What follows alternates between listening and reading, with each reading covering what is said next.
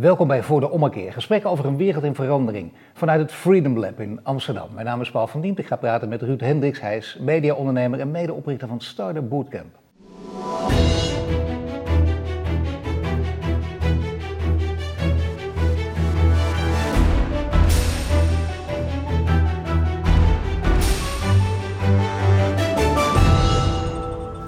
Nou, welkom Ruud. Uh, laten we even gaan praten over, uh, als het over media in, in, in diverse vormen natuurlijk. Ja. Maar dan beginnen we bij, bij tv, de oude tv. Uh, er kijken nog veel mensen naar Twan Huis, maar niet gek veel. Wat gaat er mis met dat programma? Nou, laat ik vooropstellen dat het heel makkelijk is om daar kritiek op te hebben, want de beste stuurlui staan aan wal. Maar Twan zit in een hele moeilijke positie. Dat is een serieuze journalist die op een zender zit, die op dat tijdstip normaliter amusement uitzendt. Ja. En dat gaat niet helemaal samen. Je ziet dat hij zich niet gemakkelijk voelt bij ik noem het maar even platte amusementsonderwerpen, zoals Umberto Tan zich niet altijd comfortabel voelde bij hele zware onderwerpen. Ja, uh, en het, het, ik heb het gevoel dat hij hoort niet op die plek. Dus hij zit in het verkeerde theater? Ja, dat is het eigenlijk. Het is een fantastische journalist. Maar je zou toch kunnen ik zeggen, nou, dan, maak je, dan ga je dat theater toch uh, naar je hand zetten? Ja, maar weet je, niet iedereen uh, is geschikt om de overstap van publiek naar commercieel te maken. Je kan niet zomaar iedereen die nu bij RTL zit op de publieke omroep zetten en omgekeerd. En met name bij mensen die het nieuws lezen of die een, die een journalistieke achtergrond hebben, is dat gewoon heel moeilijk. Nou, laat ik zeggen dat, uh, dat er een gemiddelde buitenstaander zou kunnen denken, dat merk je ook uit alle reacties, hoe kan dit nou? Zo'n man als Twan Huis, die heel lang in dit vak zit, heeft er ook lang over nagedacht. Die gesprekken waren al heel lang gaande. Dus ja, die, die snapt dit ook wel, wat wij nu hier zeggen. Ja, ik, denk overigens, ik, ik, denk dat er een aantal dingen niet lekker zitten bij dat programma. Een ervan is, is letterlijk de verkeerde artiest in het verkeerde theater. Maar ik denk dat het ook redactioneel zie je gewoon de zoektocht, maar nu van de andere kant, die Umberto ook had. Hè. Bij Umberto was het telkens van hoe licht kan ik blijven, hoe zwaar, zwaar kan ik worden. En nu zie je het omgekeerde.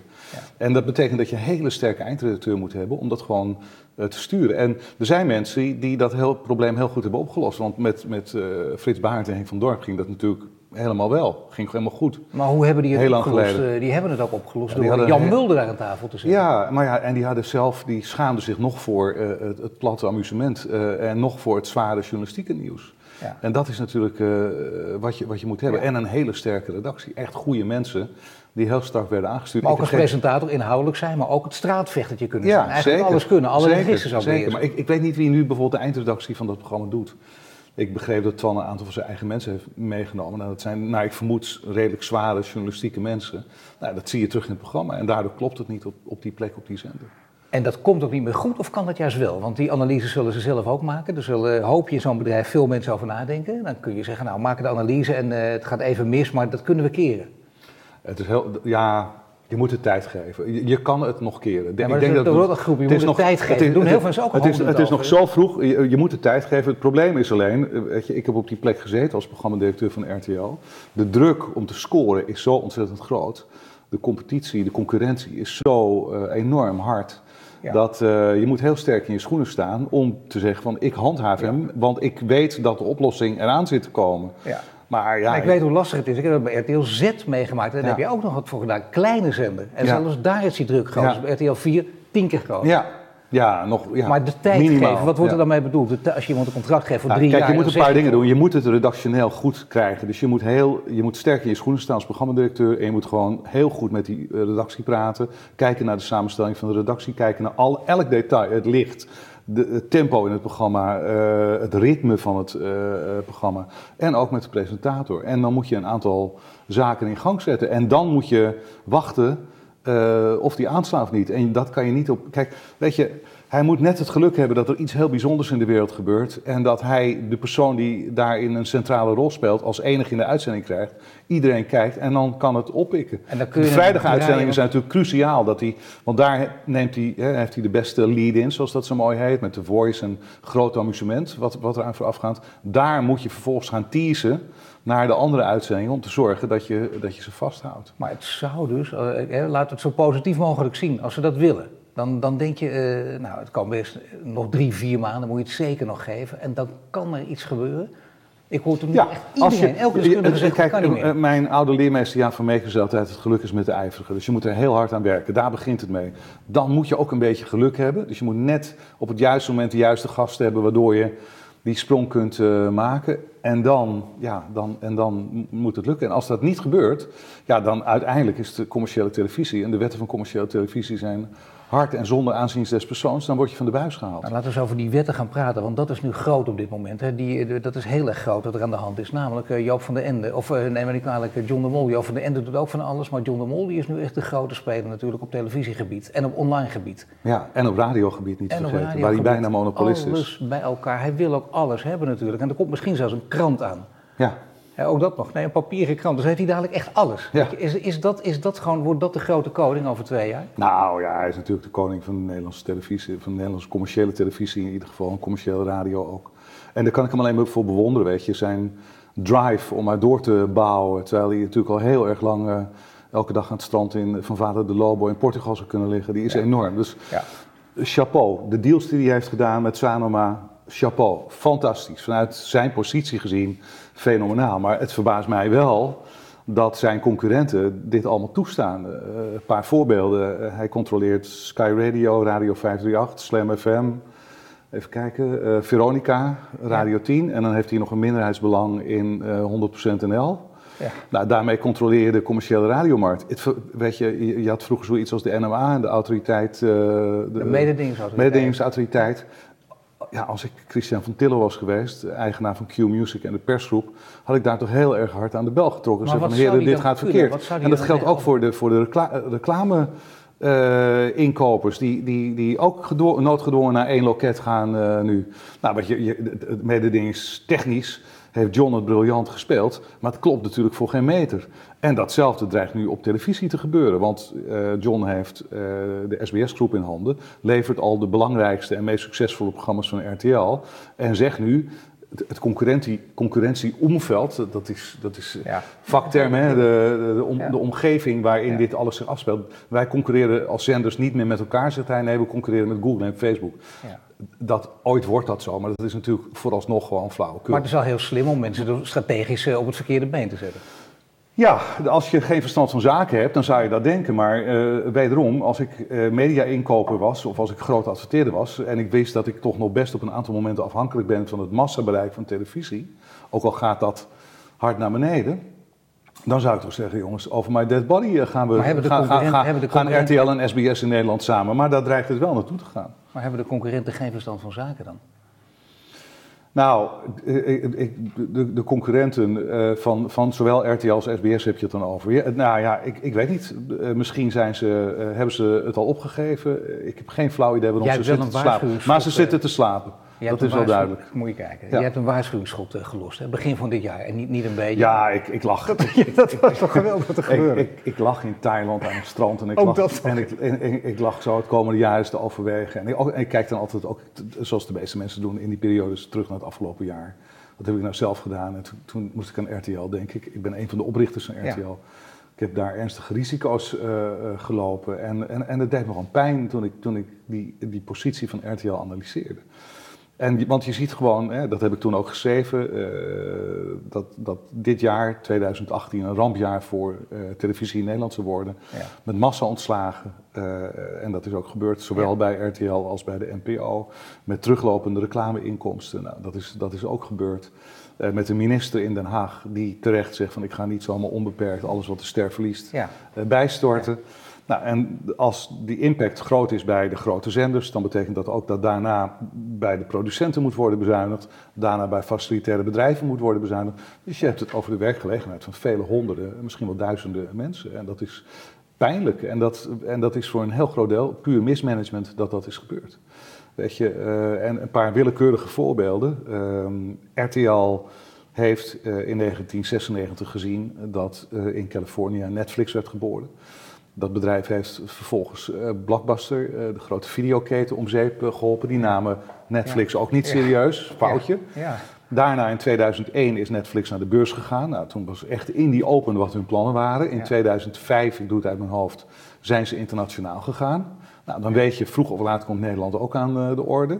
In 2015 pas, nee, 2013 heeft RTL net Videoland gekocht. Heel, heel goed besluit. Iets wat laat, maar goed. Eh, en pas in 2015 zijn ze daar serieus eens naar gaan kijken van wat kunnen we daar nou mee. Ja. En nu in 2018 is dat een groeiend bedrijf. Maar de, de achterstand op, op Netflix is natuurlijk zeemijlen. En ik- toevallig eh, heb ik vanavond een diner met iemand die de internationale expansie van Netflix eh, eh, inhoudelijk eh, aanstuurt.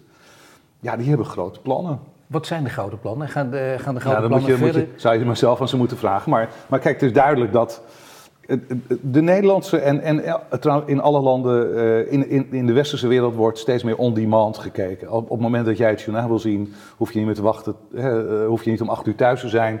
Jij, jij komt om half elf thuis, dan kijk je om half elf. En als je een film wil zien, kijk je hem op het moment dat jij dat wil. Dat gaat met, met audio en podcast gaat het dezelfde kant op. Ehm, dus dat platform, dat on-demand platform, wordt veel belangrijker dan het broadcast pla- platform. En er komt een moment dat de reclameinkomsten van televisie zo onder druk staan, van de reguliere zenders, dat het misschien wel interessant is voor een partij als RTL of SBS om te zeggen, weet je wat, ik ga helemaal geen reclames meer verkopen. Ik verkoop mijn hele pakket aan Netflix. Dat wordt gewoon een platform. Dus als jij naar RTL wil kijken, dan moet je eerst naar Netflix toe en daar kies je het RTL-kanaal. Ja. Zelfs dat zou kunnen. Dat zou heel goed kunnen, want financieel, weet je... Zou Net- Netflix, zelf ook, is... zou Netflix zelf ook content kunnen gaan maken? Eh, serieuze, eh, serieuze een, een nieuwsorganisatie neerzetten, bijvoorbeeld? Ja, of inkopen, weet je. Je hoeft, niet, je hoeft het niet per se zelf te doen. De Engelse commerciële televisie heeft nieuws heel lang ingekocht bij ITN. Maar dat kan zeker. Weet je, Netflix is, as we speak, 156 miljard waard op de beurs. hè. Ja. Eh, en maken een winst van Ja. een kleine 10 Ja, Eh, dus ja, de, de financiële middelen die men eh, ter beschikking heeft eh, en, en de brandname die men heeft, die is dus Ja. dat kan heel goed. Maar dit is een mooi landschap dat je schetst, hè, waar de naam John de Mol toch opnieuw even moet gaan vallen. Want die is ook ergens mee bezig om een heel groot landschap neer te zetten. Zorgen dat hij op alle gebieden, alle mediagebieden, gewoon het, het heft in handen kan nemen.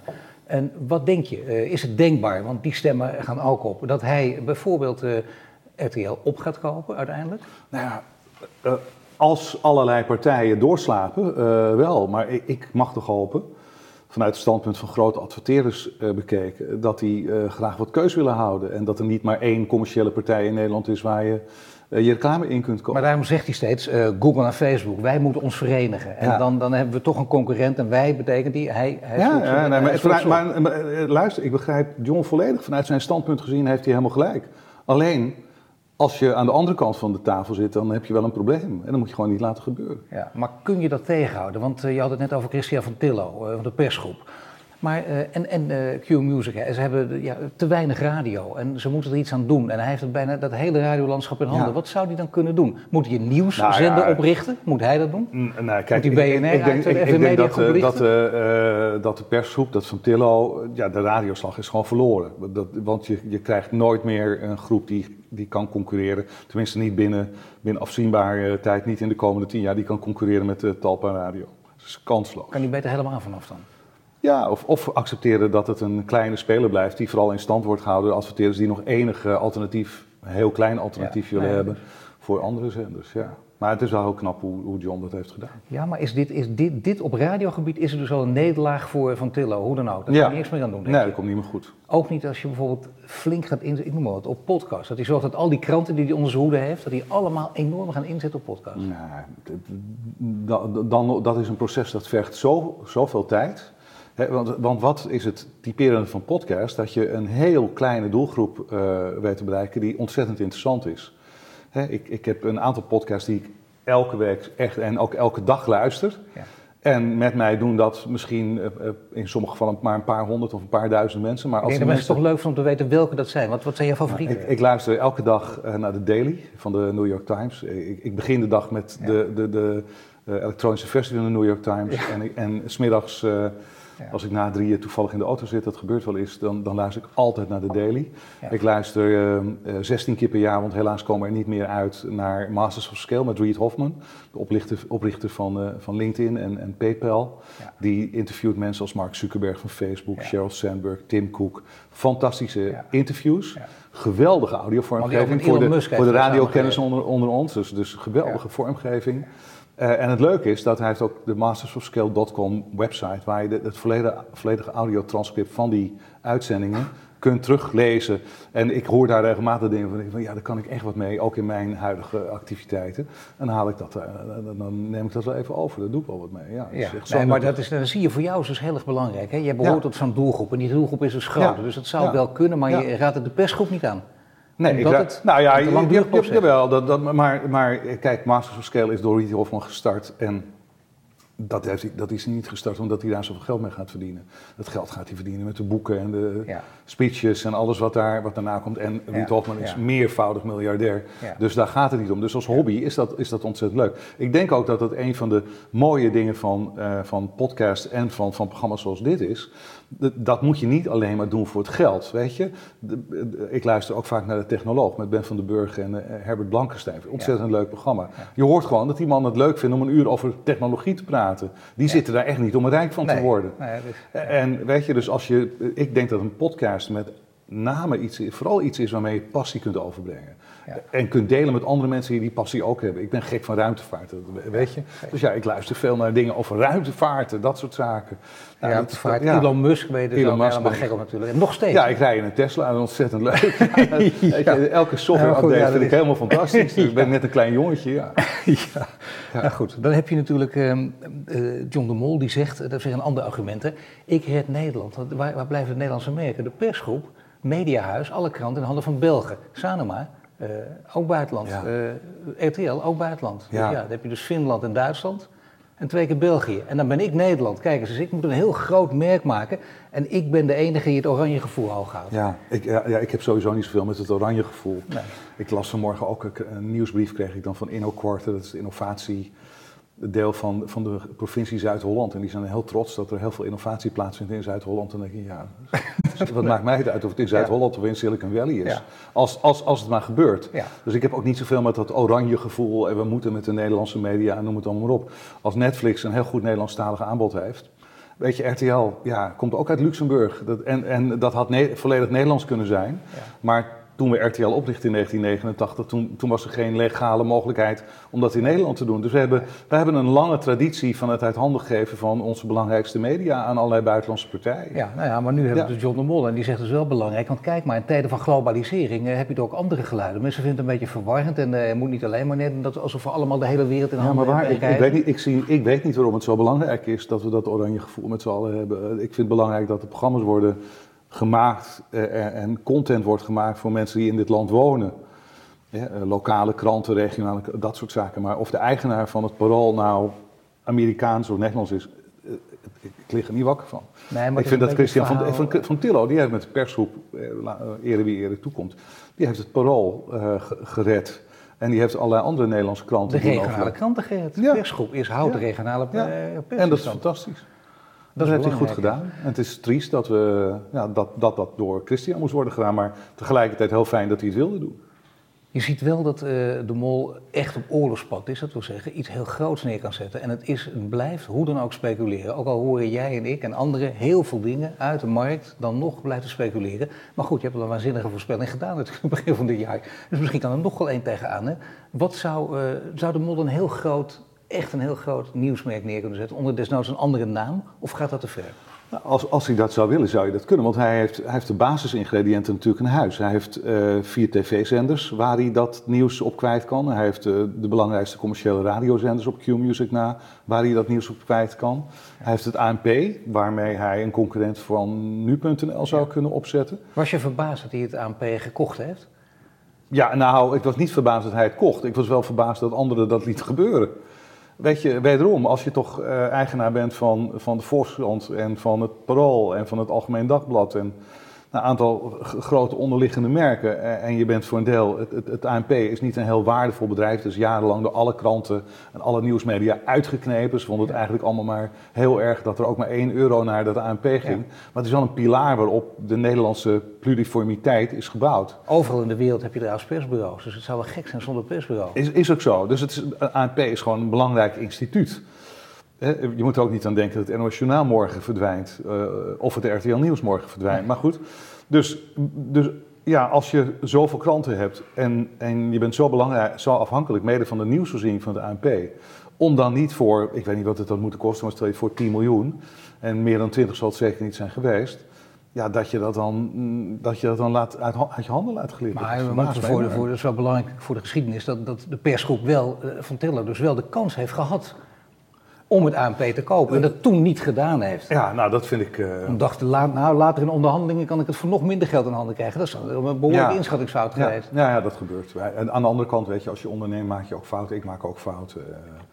Dat hoort, Nee, dat hoort erbij. Ja, daar ben ik al met je. Dat, natuurlijk, dat gebeurt op alle. Maar dit is, is een hele pijnlijke- grote fouten, dat is- heel veel inschattingsfouten. Strategische fouten zijn Maar heel dit, pijnlijk. hè, ja. kom op, hè. Dit, is, dit ligt zo voor de hand liggende en dan nog eh, proberen voor minder geld. is voor, je zult in ieder geval tenminste enorme spijt hebben, lijkt mij, als de persgroep zijn. Ja, nou, Dat dat, denk ik wel. Ja. Je zegt, eh, je moet er niet aan denken dat bijvoorbeeld instituten als het NOS Journaal eh, Verdwijnen. zouden verdwijnen. Of eh, Ja. RTL Nieuws zouden verdwijnen. Ja. Zou het kunnen dat RTL Nieuws verdwijnt, dat John de Mol iets probeert? Eh, nou, ik, ik denk niet dat dat op korte termijn zal gebeuren. Maar als uiteindelijk de resultaten van, van commerciële zenders als RTL zwaar onder druk komen te staan. eh, en er moet de tering naar de nering worden gezet, dan, dan, dan, ja, dan, dan is, wordt niemand daarvan gevrijwaard. Kijk, je ziet natuurlijk al dat er op allerlei manieren eh, op nieuws wordt bezuinigd. Hè. Hoeveel buitenlandse correspondenten zie je nog? Je ziet ze in de grote landen. Maar eh, eh, de tijd dat je zelf als, als, als nieuwsorganisatie even makkelijk iemand naar Mogadishu stuurde, die is wel geweest. Komt ook omdat er natuurlijk heel veel internationaal nieuws gewoon live via satelliet door andere partijen wordt, wordt Nee, aangeleverd. maar ik zou bijna zeggen, de goede oude krant, eh, Maar de- kijk, de papier- Paul- die hebben heel veel correspondenten. Ik denk dat nee, maar serieus. Jawel, daar nee, dat is waar. veel. En dat moet ook wel, omdat ze zich voor een deel moeten onderscheiden. Maar die worden Ja. wel allemaal gedeeld. Je ziet, eh, als ik... eh, ik lees toevallig zowel het AD als het Parool. Ik zie natuurlijk heel veel verhalen Zeker, daarover en weer Ja. gaan. Dus er wordt wel steeds efficiënter gewerkt. En dat is denk ik ook goed ook. Maar om op jouw vraag nog even terug te komen. want Ik wil niet dat er na afloop van deze uitzending op Twitter overal komt te staan. Hendricks voorziet het einde van het RTL Nieuws. Ik denk Nee, dat dat nee, nog nee, heel, lang, heel lang gaat duren. En ik ben heel blij dat het RTL Nieuws er is. Nee, maar het gaat er meer om dat je, dat, dat, ik zeg het al, we praten echt in speculerende zin. Ja, dat is over. echt Je weet- speculatie. Het is 100% Maar speculerende op lange zin. termijn heb je het echt, weet je, eh, je ziet gewoon dat er bij commerciële televisie gebeurt wat er eerst bij de krant is gebeurd. Commerciële tv komt er tien jaar na. En je, hè, dus eh, elk jaar gaat er gemiddeld 5% omzet af. Iets Ja. meer in de jaren dat er geen WK voetbal en verkiezingen eh, zijn. En iets minder in de jaren dat die er wel zijn. Maar het is gestage eh, reis, eh, reis naar beneden. Nou, bij de krant hebben ze dat opgevangen in eerste instantie door heel veel eh, bezuinigen. En dat, dat kon ook nog. Eh, En dan komt er een moment, dan valt er niet meer te bezuinigen. Ja, dan, dan moet je eh, harde keuzes Maar het eh, bereik maken. van kranten, echt waar, is nu groter geworden. Groter dan in 2009. Dankzij het. Dus internet, hè? Dankzij het internet, natuurlijk. De kranten nemen voor het gemak ook Eindelijk dat- niet meer zo stom zijn om het Ja. allemaal gratis weg te geven. Ja. Dat, is ook, dat zie je ook als een echte blunder. Ik bedoel, je maakt fouten, maar is het ook een blunder? Nou, ik denk dat, Alles dat weggeven. in de dagen dat het gratis werd weggegeven, was er in eerste instantie geen markt voor die paywall. Want kijk, als je als eerste met een paywall begint, als er 100 media zijn, hè, met 100 kranten zijn, en er is er één die geld vraagt voor zijn content en die andere 99 niet, ja, dan heb je het als enige moeilijk. Ja. Maar, en daar, wederom, de New York Times heeft daar natuurlijk eh, samen met de Financial Times in, in Engeland een, een geweldige voortrekkersrol gespeeld. Hè. De New York Times heeft veel meer digitale abonnees dan Die gewoon verkopen abonnees. dus miljoenen. Ik was het ergens, ik geloof ik 30 miljoen abonnementen. Ja. Tel hoeveel geld dat Ja, is. In Europa. is- Alleen in Europa. Het is ook, ja, nou, ik ben er één van. Het, ik, het is zo ontzettend goed. Tuurlijk. Maar, ja. ja, en weet je, kijk, er hangt een mooie kreet bij ons eh, op kantoor. Eh, price is only an issue in the absence of value. Prijs, de kosten van een product, spelen alleen maar een rol als je niet voldoende waarde levert. En, en zo is het ook. En ja, de New York Times is een schoolvoorbeeld van hoe je, als je maar waarde creëert, ja, dan willen mensen er best voor betalen. Maar je ziet dat kranten dat nu ook kunnen. Een krant als Trouw bijvoorbeeld, die werd ook eh, vaak in de hoek gezet als saai. Misschien Ja. ook wel terecht. Maar nu is het een krant, Ja. die, die hebben ook nog dat Ja. hele schandaal gehad met die Perdiep uh, Ramessoy natuurlijk. Met, met heel veel, dat betekent dus heel veel met anonieme bronnen werken. Je kon het niet vertrouwen, maar nu hernieuwd zelfvertrouwen. Want kijk eens even, Wikileaks, Panama Papers, Ja. samenwerken met Nieuwsuur, met het FD. Ja. Waardoor je met grote verhalen kan komen. Echt grote Nee, nieuwsverhalen. maar het is waar. Dat is- En, en, en Blendel is ook een mooi... Eigenlijk is Blendel on-demand journalistiek, hè? On-demand waar. eh, tv haal je bij Netflix. En Blendel levert je on-demand eh, journalistiek. Het is toch Ja. fantastisch dat dat, dat, is, dat dat is ontstaan.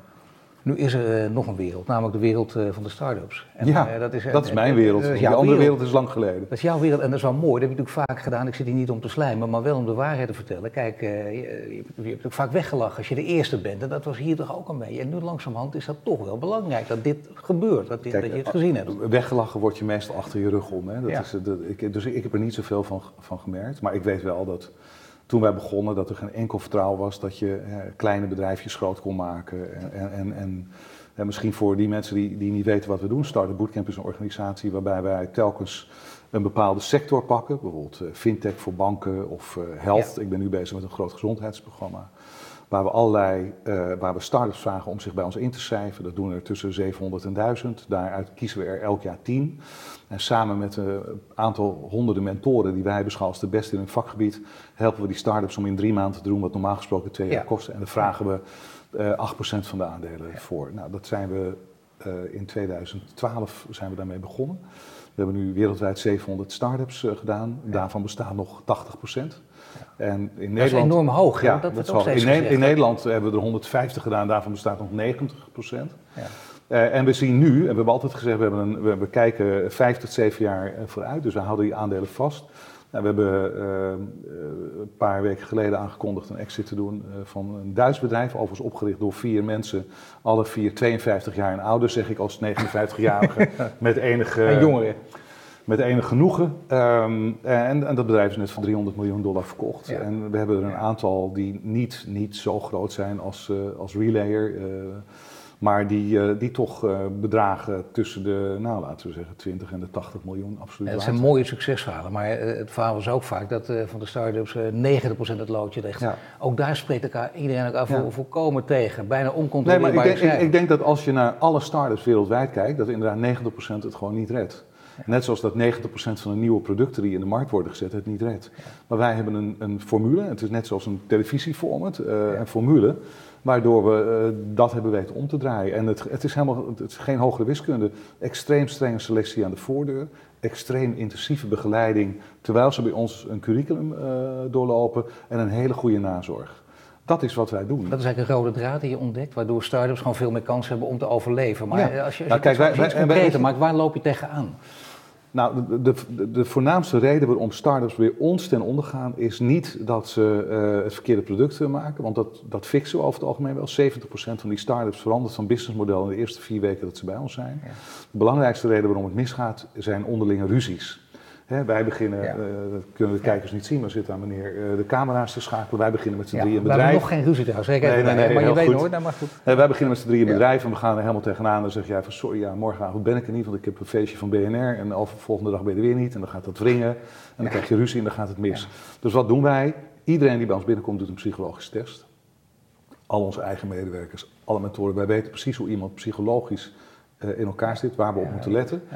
En wij eisen van al die start-ups dat ze pre-mediation doen. Dus dat ze gaan eens in de maand met een pre-mediator praten. Niet om problemen op te lossen, maar om problemen te voorkomen. En wij, wij zijn volledig data-driven, dus wij analyseren alles. En uh, als wij aanzien komen dat er ergens een probleem is, ja, dan grijpen we in.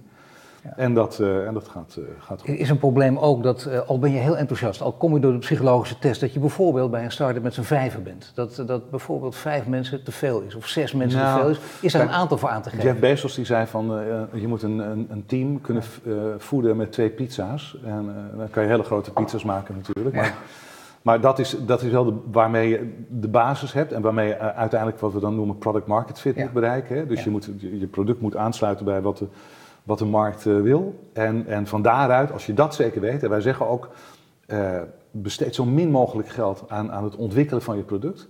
Ja. Tot je zeker weet dat je een probleem oplost wat werkelijk pijn doet bij de, bij de potentiële ja. klant. En als je dat zeker weet, dan ga je groot schalen. En dus, nu een, uh, we hadden het net over Reed Hoffman van, van Masters of Scale, de podcast. Die heeft net een nieuw fenomeen geïntroduceerd. ik heb er net een column over geschreven, blitzscaling. Waarbij uh, Hofman die zegt, uh, als je een bedrijf heel hard wil laten groeien, en voorbeelden zijn Google, ja. wat in zeven jaar tijd van, van 50 naar, uh, naar, naar 7.500 medewerkers ging. Ja. of van, van 80 miljoen omzet naar 17 miljard ja. waanzinnig. omzet, echt, echt waanzinnig. Um, dat doe je eigenlijk zoals de Duitsers in 1939 de Blitzkrieg uh, voerden. Hè? Je laat zoveel mogelijk overbodige zaken achterwege, waardoor je heel licht bent ja. en heel snel kunt oprukken. Ja. Dus dat blitzscaling, je bouwt een bedrijf, je stopt er heel veel geld in, dus het is zeer riskant. En je geeft vol gas. Je weet dat je daarbij gewoon hoeken afsnijdt, dat je gewoon grote stappen snel thuis bent. En op het moment dat je de markt als eerste veroverd hebt, dan ga je al die achterliggende uh, zaken die nog niet kloppen, die ga je invullen. Ja. Nou, de, de, kans dat je dat in Europa voor elkaar krijgt is, is bijna nihil. Want in Nederland eh, of in Europa zijn wij zo avers van enig risico. En je vindt ook geen financiers die bereid zijn om dat te doen. En daarom komen de Airbnb's en de Ubers en noem ze allemaal maar op. Die komen allemaal uit, uit, uit de Verenigde Staten. Ja, dat en, is inderdaad- en de risico's Ja. zie je ook wel. Want een bedrijf als Groupon bijvoorbeeld, hè, dat heeft dat ook geprobeerd. En dat, is- dat ging niet hard genoeg. Ja. Dus dat ging mis. En Uber, hebben, hè, die hebben de mazzel gehad. Die hebben eigenlijk ook blitzscaling gedaan. Maar die zijn hun interne cultuur eh, totaal vergeten te managen. En nou, je weet wat daar is Ja, gebeurd. ja, Eh. CEO verdwenen, eh, een hoop ellende. Dus eh, nu mag eh, Nelly het oplossen inderdaad. Voor, Ja, zei, nou ja, hier moet je kijken. Dat is ook nog een jonge vrouw. Die gewoon op dit, op dit gebied. geest, nee, maar dat kan dus wel. Dat Ja. ook in deze wereld, deze mensen. Maar dat betekent wel dat wij nog steeds risicoavers zijn in Europa. Dat is eigenlijk onvoorstelbaar toch ook. Want we hebben het, het is niet voor niks hè, dit voor de ommekeer. Je zou bijna zeggen, als je dan iets wil bereiken, moet je gewoon dus, dus ook veel meer mislukkingen accepteren. Dat is ook blijkbaar iets Nou ja, eh, weet je wat- weet je- gewoon niet in de, in de cultuur zit. Europese investeerders die denken als ik maar zo min mogelijk investeer, is mijn risico ook zo beperkt mogelijk. Maar dat is niet zo. Als je een bedrijf ondergefinancierd in de markt zet, is de kans dat het ten onder gaat vele malen groter, omdat je het met voldoende geld in de markt Heel eh, veel zet. voorbeelden van te geven. Ja, ja absoluut. Ja. Ja. Dus ja, dat. Nou, maar, maar hoe kun je dat jammer. veranderen dan? Nou ja, dat is, dat, dat, eh, kijk, we hebben natuurlijk, dat is niet het enige nadeel in, wat we in Europa hebben. Je kunt dat niet loszien van het feit dat wij in elk land andere wet Ja. en regelgeving hebben. Dat Ja. we eh, eh, heel veel verschillende talen in Europa Ja. eh, spreken. Dus wij zijn gewoon geen homogene markt. Ik denk eerlijk gezegd niet dat we dat kunnen veranderen. Een stuk is mentaliteit. Hè? En je ziet wel dat het opschuift, want... Inderdaad, toen wij zeven jaar geleden begonnen, toen was het heel moeilijk om venture capital bedrijven bij ons überhaupt naar die start-ups te laten kijken. En nu zeggen ze nog steeds niet, de, de eerste investeerders, de eerste miljoen, komt al, bijna altijd van Ja. particulieren vandaan. ja, dat is, ja. En, en nu, maar nu komen ze wel kijken en zeggen ze, nou, als jullie het nog een jaartje goed doen, dan gaan we wel mee. Ik heb net een start-up, ik zal geen naam noemen, partij waar 3 miljoen in is geïnvesteerd. En hebben de investeerders gezegd van, weet je, volgend jaar willen jullie 20 miljoen Welke start-up is dat? Nee. Volgend jaar 20 miljoen ophalen en dan garanderen wij alvast 10 miljoen. Ja. en dat zijn mensen die hebben het Ja. begrepen. Nee, dat ja zeker. Nu zijn mensen, je, je zegt je hebt toch in het begin grote investeerders nodig. Dat is in ieder geval tenminste handig. En je ziet als ik, eh, vak wat, wat ik erg interessant vind, blijft ook eh, journalistiek, op wat voor manier je het ook kan bedrijven, heb je inderdaad mensen nodig met veel geld. En die zijn er wel degelijk in de markt. Want kijk maar, wordt het tegen mij geroepen, kijk maar, zei, eh, nou, Jeff Bezos heb je net al genoemd, hè, die koopt de Washington Post. Zo zijn er nog een paar te noemen. Een hele rijke man, ook Amerikaan, Amerikaanse Chinees volgens mij, die heeft de LA Times overgenomen. En er, zijn er nog een paar die, ik nu- die mij nu niet Ja, we hebben, kijk, wij hebben in Kan Nederland... dat hier ook? We hebben in Nederland een lijst van 2000 eh, eh, vermogende mensen Ja. die, die bereid zijn om echt serieus risicovol te investeren. Ja. Maar dan nog, dan heb je het toch veel over bedragen die, die wel ophouden bij een miljoen. En dan de, de, de echte grote hè, Series A investeringen, zeg maar even 10 miljoen en meer. Ja. Ja, die moeten toch vooral van venture capital bedrijven komen. En, en dat is ook een belangrijk verschil. In Ja. Silicon Valley investeert een VC, zoals dat dan heet, niet alleen een enorme zak met geld, maar die brengen ook meestal een HR-meneer of mevrouw. En die Ja. zeggen, je krijgt niet alleen geld, maar we zorgen ook dat je 30 top developers hebt en een paar geweldige juristen die jouw vakgebied heel goed Ja, begrijpen. ja. En hier is het toch nog heel vaak zo dat VC's, die stoppen geld in een bedrijf en dan willen ze wel weten wat er gebeurt. En ze komen regelmatig langs, want dat geld komt ook weer van hun aandeelhouders. Maar echt meedenken, echt gewoon daadwerkelijk meer dan geld te brengen, dus echt, eh, ja, echt, echt waarde toevoegen, anders dan geld. Nee, dat, is doen zeker ze zo. weinig. Start-up Bootcamp ook doet. Hè? Gewoon eigenlijk, eh, laten we zeggen, de, de, de patronen zijn hetzelfde. Ja. Dat zou je die VC's ook moeten doen. Kennis maar brengen, wa- ja. waar gebeurt dat? Zie je bedrijven dat wel gebeurt? Nou, en nou, moet je, je wel ziet, bovenop zitten. je ziet het in Silicon Valley overal, weet je. Eh, en de echte succesvolle start-ups die kunnen ook kiezen hè, uit, eh, uit, de- uit de VC's in Ja. Silicon Valley. Dus daar is het omgekeerd. De VC's knokken om dat de beste mooi, investeringen. En die werken ook heel veel eh, samen. Eh, in Nederland, ik, ik, ik, ehm, ik weet niet wat de naam van bij. Ik weet dat er één VC is, die heeft eh, eh, mijn vriend Jan Rijkenberg van BSUR, reclamebureau, gevraagd om eh, merkonderzoek te doen. Dus voordat die VC een bedrijf koopt, doet BSUR een soort analyse van het merk en kijken Ja. of zijn merken opnieuw tot leven kunnen wekken. Ja. Want er zijn natuurlijk in, in heel veel grote ondernemingen eh, merken die een beetje op de plank nog liggen, die afgestoft kunnen worden, waar je nog heel veel mee kan. Dus je ziet wel dat er hier en daar wat gebeurt, maar echt zeggen van luister, ik investeer 10 miljoen in jou en ik breng je een HR meneer of mevrouw, want die kan jou 30 top developers brengen, dat heb ik in Nederland nog niet gezien. Nee, En, het is dat- zo bizar dat dat niet gebeurt. Ja, dat is wel bizar dat het niet gebeurt, want dan zou je dus heel veel leuke dingen kunnen doen. Bijvoorbeeld ANP kunnen kopen. Ja. Dat had zo'n venture capital. Dat ja, dat had toen gekund ook in die tijd. Ja, nou, kijk, Paul, niet om eh, jou en mezelf op de tenen te trappen, maar als ik de keuze zou hebben tussen investeren in de media of ergens anders investeren, natuurlijk, nee, maar zeker. dan, dan, eh, dan had ik, ik had mijn geld niet op de media gezet op dit Nee moment. dat, nee, dat is, oh nee, dat is zeker. Dat, dat blijft ook het punt. Behalve dan dat je natuurlijk te maken hebt met, met fake news. En dat heeft heel veel kranten enorm, onder andere de New York Times, enorm geholpen. Dan, dan heb je een aantal van die mensen nodig die denken, ja, dat is interessant. Daar moet een tegenkracht eh, tegen. Want, want ik, ik wil de democratie redden. Ja. Maar dat kan. En ze stoppen heel veel geld in kankerfondsen. Dat is super Nee, maar het- belangrijk. het is- maar het- ik vind het geweldig dat Jeff Bezos eh, de Washington Post heeft gekocht. Hè? Democracy Dies in Ja, Darkness. ja. eh, geweldig. Ik bedoel, Ja. dat zegt alles. Maar eh, dat, dat, weet je, het is toch een hobby. Als je kijkt naar het, naar het Financieel Dagblad en, naar, en naar BNR, dat is dan onderdeel van Hall Investments van meneer Van der Vormen. En die zit in, Ja. in Monaco. En die Ja. heeft dat, die, dat is een hobby, dat houdt hij lekker in stand. Dat is mooi, maar het is wel erg dat de meest dat, dat belangrijke pilaren van de vrijheid van meningsuiting en democratie, dat dat hobby's zijn geworden. eh. Van hele nobele eh, gedachten. Maar weet je, als Bezos moet kiezen tussen de Washington Post of eh, Amazon, ja, dan kiest hij wel voor Amazon, want dat is een kind. En de Washington Post is later geboren. En Ja. dat zie je toch op te veel terreinen. En ik, Ja. ik vind dat journalistiek niet afhankelijk moet zijn van dat soort, of, ik ben blij dat ze het hebben gedaan, maar van dat soort mensen. Maar waarvan dan wel? Nou ja, we zouden met z'n allen gewoon bereid moeten zijn om voor kwaliteit te betalen. Dat, dat, dat kan dus, want dat zie je bij de New York Times. Ja, ik hoop dat dat binnenkort dat mensen ook weer bereid zijn om echt te betalen voor de Washington Post. Ja, maar dat gaat inderdaad die, die, die abonnementsmodellen bijvoorbeeld. Maar stel dat je een, eh, een radio- of tv-station nu gaat oprichten. Dan heb je dus Ja, uit de markt... hoe- Maar Paul moet je helemaal niet doen. Je bent gek Ja, als je een radio- en tv-zender nog opricht Ja. deze dagen. Er zijn er al genoeg en ze hebben Ja, het je hebt. RTL opgericht. eh, Ja, BNR is eh, ja. 20 jaar geleden opgericht. Dus om de zoveel tijd komt er altijd weer een nieuw bedrijf. Ja. Maar je zegt, dat moet je juist niet doen. Nee, als je, als je nu eh, geld over hebt, dan moet je niet in de media stoppen. Echt niet doen. Maar John de Mol gaat dat wel doen. Nou ja, maar die zit al 100 jaar in de media, die vindt dat leuk. Eh, die, die, hoeft, die hoeft er geen boterham minder om te eten. Die, en, die, en die slaagt er ook nog in om het heel winstgevend, eh, om het weer winstgevend te verkopen. Maar ik, ik, weet, je, ik, ik weet het niet zeker, eh, maar ik denk dat binnen twee jaar SBS wel weer verkocht is. Aan wie? Nou ja, de, weet je, de, de, de kern van de media is dat kleine bedrijven die worden allemaal uiteindelijk opgegeten.